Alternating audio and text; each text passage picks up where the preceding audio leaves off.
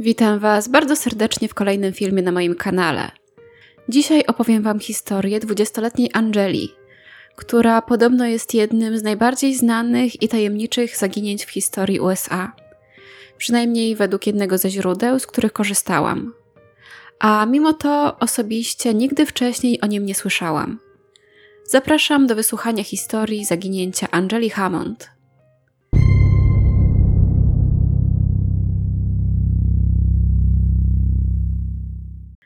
Angela Mary Hammond urodziła się 9 lutego 1971 roku w Kansas City.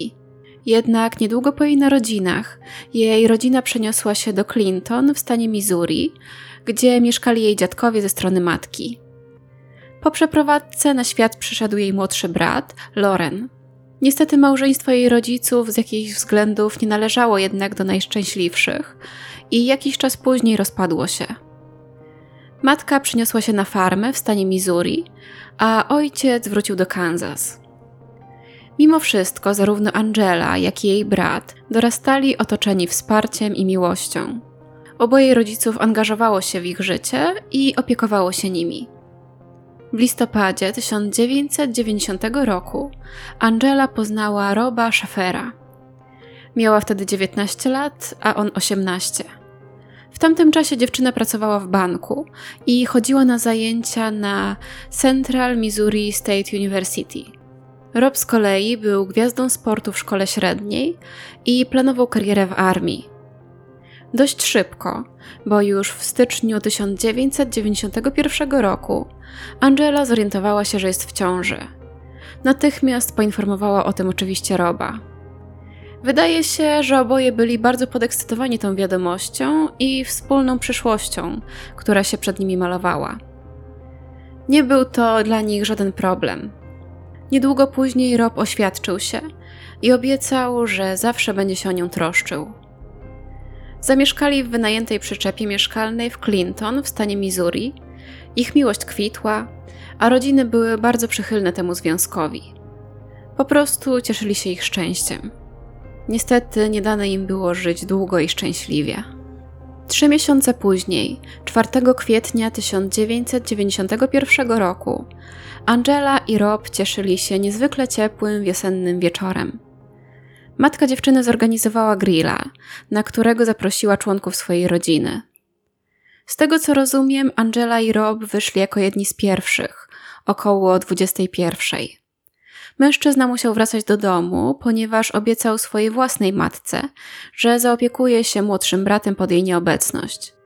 Planowali spędzić ze sobą jeszcze trochę czasu na mieście, gdy kobieta wróci już do domu. A w czasie, gdy jej narzeczony pilnował brata, Angela spotkała się ze swoją przyjaciółką Kylą. Około 23.15 kobieta pożegnała się już z koleżanką i zadzwoniła z budki telefonicznej do domu swojej przyszłej teściowej, gdzie wciąż przebywał Rob. Czuła się wyczerpana po całym dniu. Miała ochotę tylko na gorącą kąpiel i chciała mu powiedzieć, że nie chce jednak wychodzić z nim dziś wieczorem, czy już właściwie w nocy, na miasto i że spotkają się w domu. Od razu powiem, że musiała zadzwonić z budki telefonicznej, ponieważ w ich własnym domu jeszcze nie podłączono linii telefonicznej. Budka znajdowała się na skrzyżowaniu ulic Jefferson i Second Street. Na parkingu restauracji Food Barn Store, tylko siedem przecznic od domu matki Roba. Para rozmawiała ze sobą dość długo pół godziny aż do 23.45, gdy Angela zauważyła na parkingu jakiegoś dziwnie zachowującego się mężczyznę. Wcześniej ten sam mężczyzna kilkukrotnie przejeżdżał ulicą obok budki swoim zielonym pick-upem. Krążył. Gdy ten samochód tylko przejeżdżał co chwilę obok niej, Angela nie wydawała się tym zbytnio denerwować. Ale gdy kierowca zaparkował i wyszedł na parking, zaczęło się robić dziwnie. Mężczyzna użył telefonu w budce obok, ale po chwili wrócił do swojego auta, a następnie wyszedł z niego i zaczął szukać czegoś, świecąc sobie latarką. Opisała go jako brodatego i brudnego. Angela powiedziała to wszystko Robowi, a ten zaproponował, aby po prostu go zapytała, czy nie potrzebuje skorzystać z telefonu, z którego ona dzwoni. Może aparat w budce obok był zepsuty. Kobieta wychyliła się więc i zapytała nieznajomego, ale ten odparł, że nie ma takiej potrzeby. Spróbuję zadzwonić znowu za minutę. Angela i Rob wrócili więc do rozmowy. Mówili o zwykłych, codziennych rzeczach. Nie niepokoili się już dziwnym mężczyzną. Po chwili jednak Rob usłyszał krzyk swojej narzeczonej. Ktoś po prostu oderwał ją od słuchawki. Jej narzeczony natychmiast opuścił swoją słuchawkę i wybiegł z domu, żeby jej pomóc. Nie odłożył jej nawet na widełki. Gdy pędził swoim autem w kierunku budki telefonicznej, minął go zielony pick-up. Angela krzyknęła do niego przez okno: Robi! Więc miał już pewność, że właśnie przejechał obok auta dziwnego mężczyzny, o którym opowiadała mu narzeczona. Natychmiast zawrócił samochód i czym prędzej pojechał za nimi. Gonił ich przez jakieś trzy kilometry. Niestety jego nagła zmiana biegu na wsteczny uszkodziła skrzynię. W pewnym momencie jego samochód po prostu stanął.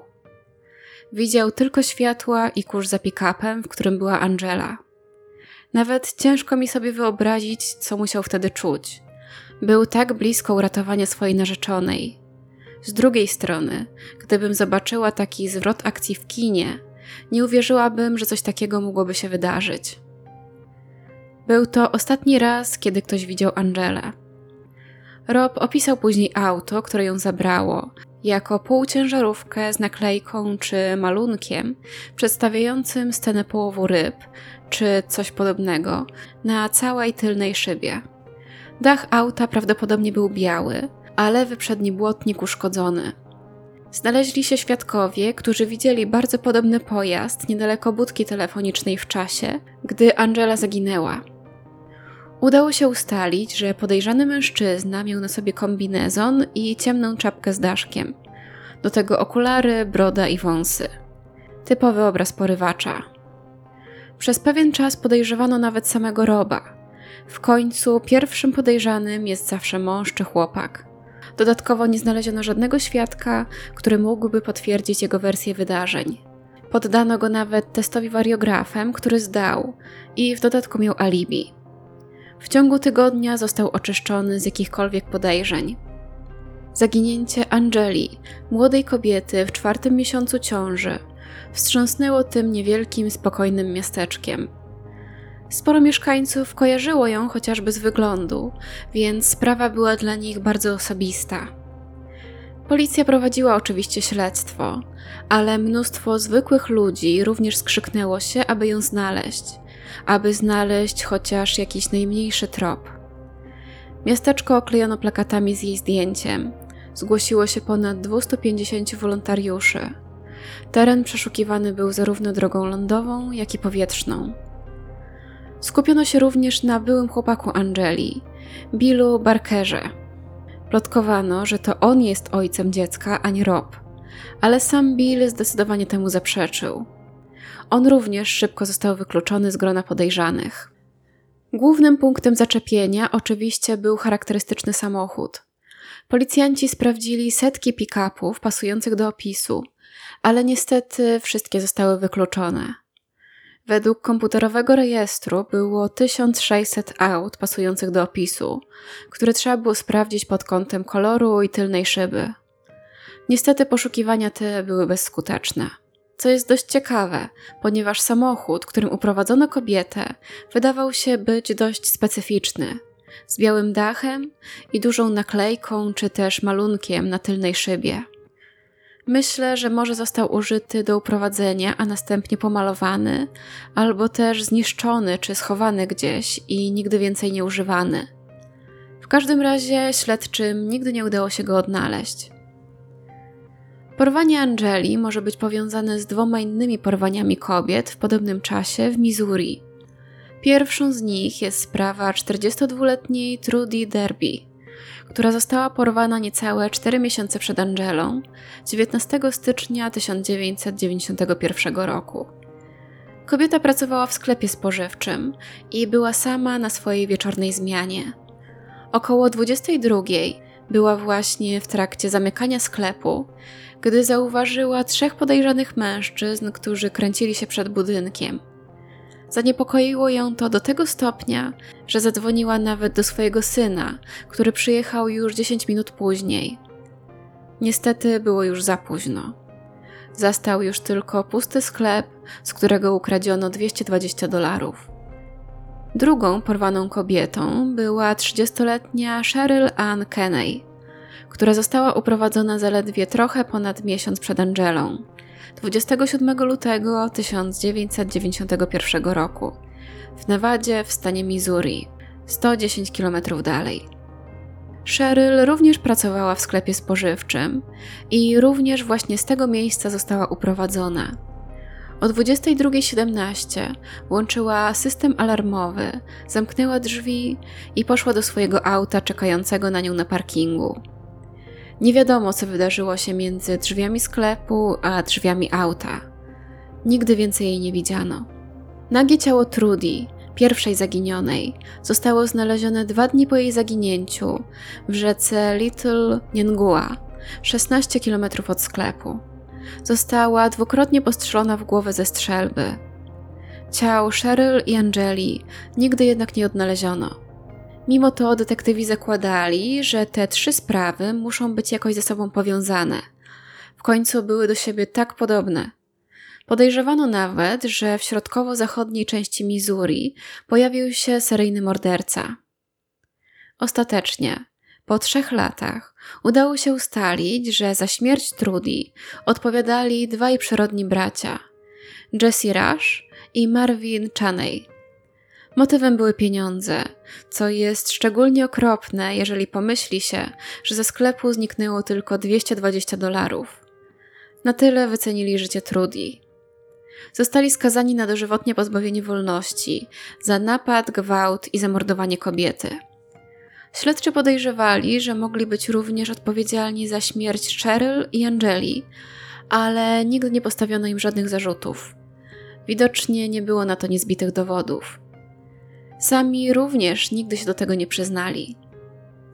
Potencjalnym podejrzanym był również seryjny morderca Kenneth McDuff, który zabijał od 1966 do 1992 roku. Jego jednak również nigdy oficjalnie nie powiązano z zaginięciem Angeli. Krążyły też plotki, że Angela została zamordowana i wrzucona do studni w starym parku w Clinton. Nie wiadomo jednak, czy kiedykolwiek zostało to zbadane, czy to tylko ludzkie wymysły niepotwierdzone niczym. Kilka osób twierdziło też, że widziało ją w kilku stanach oraz w Kanadzie już po jej zaginięciu, ale tego również nie udało się nigdy udowodnić. Chociaż jedno z takich zgłoszeń wydawało się bardzo obiecujące, a przynajmniej obiecujące na tyle, aby porządnie je sprawdzić. W październiku 1991 roku pewien mieszkaniec Kanady odwiedził swoją rodzinę w Missouri i natknął się na plakat informujący o zaginięciu Angeli. Nigdy wcześniej nie spotkał się z tą sprawą, ale gdy zobaczył zdjęcie kobiety, natychmiast przypomniał sobie, że miesiąc wcześniej widział, jak kobieta pasująca do opisu Angeli wsiadała do zielonego pick-upa z białym dachem i malowidłem na tylnej szybie. Miało to miejsce pod jedną z kanadyjskich aptek. Jak już mówiłam, zbadano ten trop, ale donikąd nie doprowadził. Osobiście zawsze jestem sceptycznie nastawiona do takich nagłych olśnień dotyczących przypadkowych osób widzianych całe tygodnie temu. Może dlatego, że nigdy nie przyglądam się ludziom i ciężko byłoby mi nawet powiedzieć, jaka pani kasjerka kasowała moje zakupy trzy dni temu w sklepie.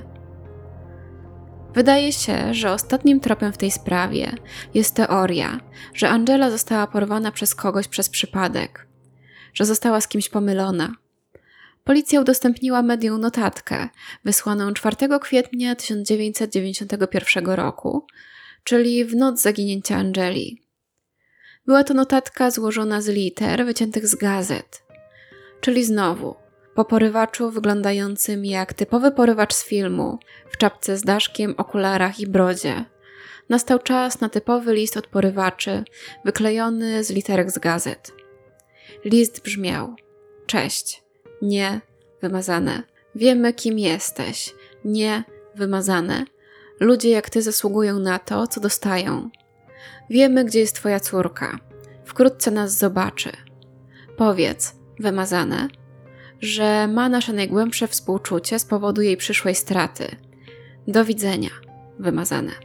W tamtym czasie w okolicy mieszkał mężczyzna, który był policyjnym informatorem, pomagającym policji w sprawach związanych z handlem narkotykami. Jego żona i córka mieszkały w Clinton, a ta druga miała nawet na imię Angela. Podobno były do siebie uderzająco podobne. Policjanci podejrzewają więc, że to córka informatora mogła być celem porwania. Niestety tej teorii również nigdy nie udało się potwierdzić. I to już wszystko, co dla Was dzisiaj przygotowałam. W sprawach takich jak ta, które pozornie mogłyby znaleźć swoje zakończenie w ciągu kilku minut, w końcu, gdyby samochód Roba nie zepsuł się, to dogoniłby porywacza i swoją narzeczoną, a są nierozwiązane przez całe dekady, czuję straszny niedosyt i frustrację. Ale niestety taka właśnie jest ta sprawa. Nigdy nie udało się znaleźć ani porywacza, ani Angeli, ani nawet jej ciała. Jestem bardzo ciekawa, co myślicie o tej sprawie i czy uważacie, że kiedyś może uda się ją rozwiązać. Podzielcie się koniecznie swoimi spostrzeżeniami w komentarzach. A tymczasem trzymajcie się bezpiecznie i do usłyszenia już niedługo.